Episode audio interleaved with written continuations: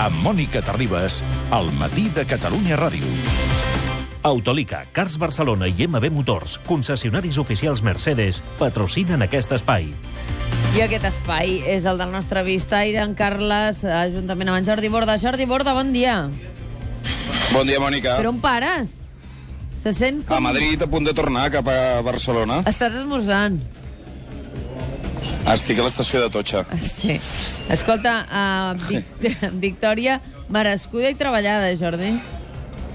Sí, aquest partit 20 anys enrere el Barça no l'hagués guanyat, ens estaríem ara mateix eh, parlant de l'àrbitre que va estar malament però que seria l'excusa. El Barça, com deia Ipi, que sempre se li ha retret en els últims anys que, que ha estat eh, de més qualitat que els seus rivals però que no sabia competir, que no sabia patir. Ahir va saber patir, va estar amb inferioritat de, de numèrica durant bona part del partit, amb l'àrbitre en contra, però va saber resistir, va saber competir. Luis Enrique va moure l'equip, va fer una aposta arriscada i al final va tenir una escletxa d'oportunitat i la qualitat dels seus jugadors, bàsicament de Messi i d'Iniesta, eh, va resoldre la final. Una festassa, ja feia temps que no patíem en una final del Barça més gloriós dels últims anys. Iniesta, em deies, Carles, que va ser espectacular. Eh? Sens dubte, va saber conduir l'equip quan el Barça jugava en inferioritat, també ho va fer quan el Barça tenia els 11 jugadors al damunt de la gespa. Messi va assistir, però és que Iniesta es va endur el guardó de millor del partit. Ha costado mucho, un hombre menos siempre, siempre se nota, pero el equipo ha hecho, ha hecho un partidazo.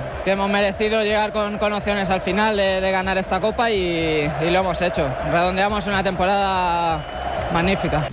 El seu millor partit com a blaugrana, Jordi, eh? De deliciós. El partit d'Iniesta es va posar l'equip a l'esquena. Va ser arriscat el canvi de Rakitic eh, per Matí al descans. Aquí Luis Enrique va apostar fort i de, era molt important, era decisiu que Iniesta eh, llegís, bé, llegís bé el partit. Si algú pot llegir bé un partit i un partit complicat com el d'ahir eh, va ser Andrés Iniesta. Moltes vegades ens fixem només en el trident i això és injust com ho va demostrar el partit d'ahir del de Fuente del Villa que va fer de director d'orquestra i amb la qualitat dels de davant es va acabar guanyant aquest partit partit. I una declaració, la de Luis Enrique. Eh? Sí, n'hi ha moltes, però hem triat d'aquesta de Luis Enrique quan li diuen si pot valorar amb una sola paraula eh, aquesta temporada. Hostia, acojonante. Aunque no suene muy bien, pero ¿qué quieres? A la una y cuarto de la mañana. la veritat, Jordi, és que els números de Luis Enrique són bons. Set títols de nou possibles, eh? Clar, i a més a més una temporada fantàstica amb un doblet. Pensa que eh, estan tenen molt mal acostumats. Ahir eh, vaig veure el partit al costat d'un nen de, de 8 anys que plorava quan veia que el Barça no era capaç de, de guanyar un partit, però és que clar, aquesta generació eh, de, de nens tan petits només han vist eh, època gloriosa del Barça quan i venim d'uns temps molt foscos. Quan perden es posen malalts, tu.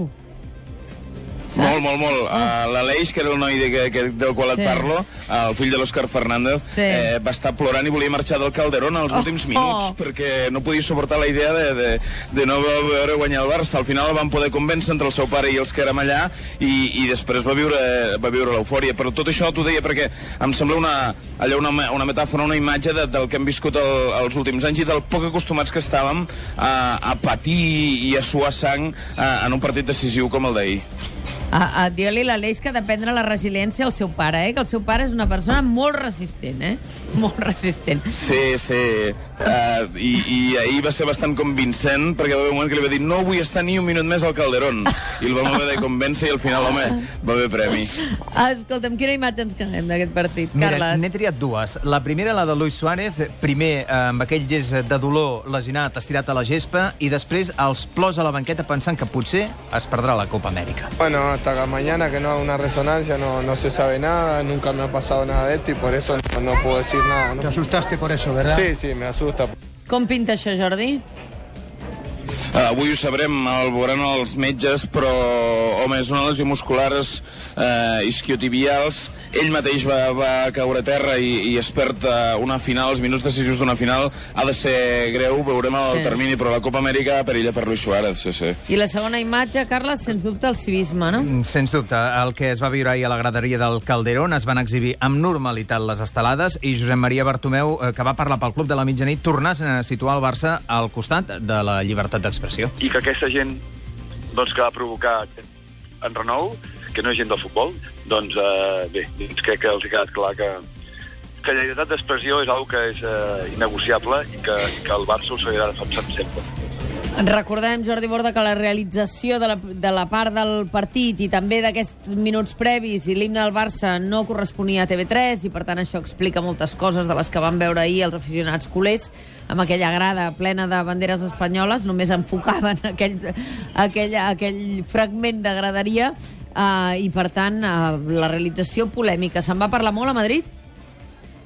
No gaire, perquè aquí la, els que ho van viure in situ van veure que tenia poc a veure amb la realització televisiva. Clar. Després, amb les xarxes socials, el 2016, eh, diguem-ne, una realització televisiva queda compensada per la resta. En qualsevol cas, deixa'm dir, jo he vist el partit des de la graderia i com a mínim deixar constància que hi havia moltíssimes estelades, moltíssimes estelades de seguidors del Barça, molta gent que ens deia no la volia portar, però amb el que ha passat aquesta setmana o la setmana anterior eh, la vaig agafar, però també hi havia molts seguidors del Barça que són de, de diverses parts d'Espanya de, Sí. i que venien amb la, amb la bandera espanyola. En el lloc dels aficionats del Barça n'hi havia menys, òbviament, mm. però que van conviure els dos símbols sense cap mena de problema. I a mi em sembla un, un, un exemple de civisme i de normalitat eh, fantàstic. Com deia... Com ho ha dit allò Luis Enrique? Cojonudo? Acojonante. Acojonante. doncs Acojonante. Això. Escolta'm una cosa, la festa avui al Camp Nou tard, molt tard, una altra vegada, tu.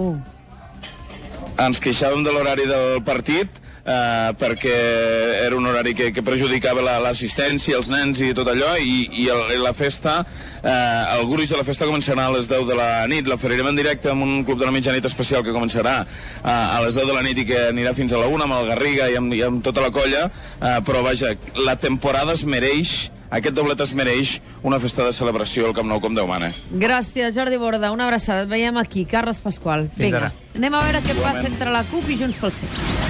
Mercedes CLA Shooting Brake, dissenyat perquè dominis la ciutat. Amb Collision Prevention Assist Plus, fars Bixanó, 7 airbags i llantes d'aliatge de 18 polzades. Vine a Autolica, Cars Barcelona i MB Motors. Més informació a mercedesocasion.com.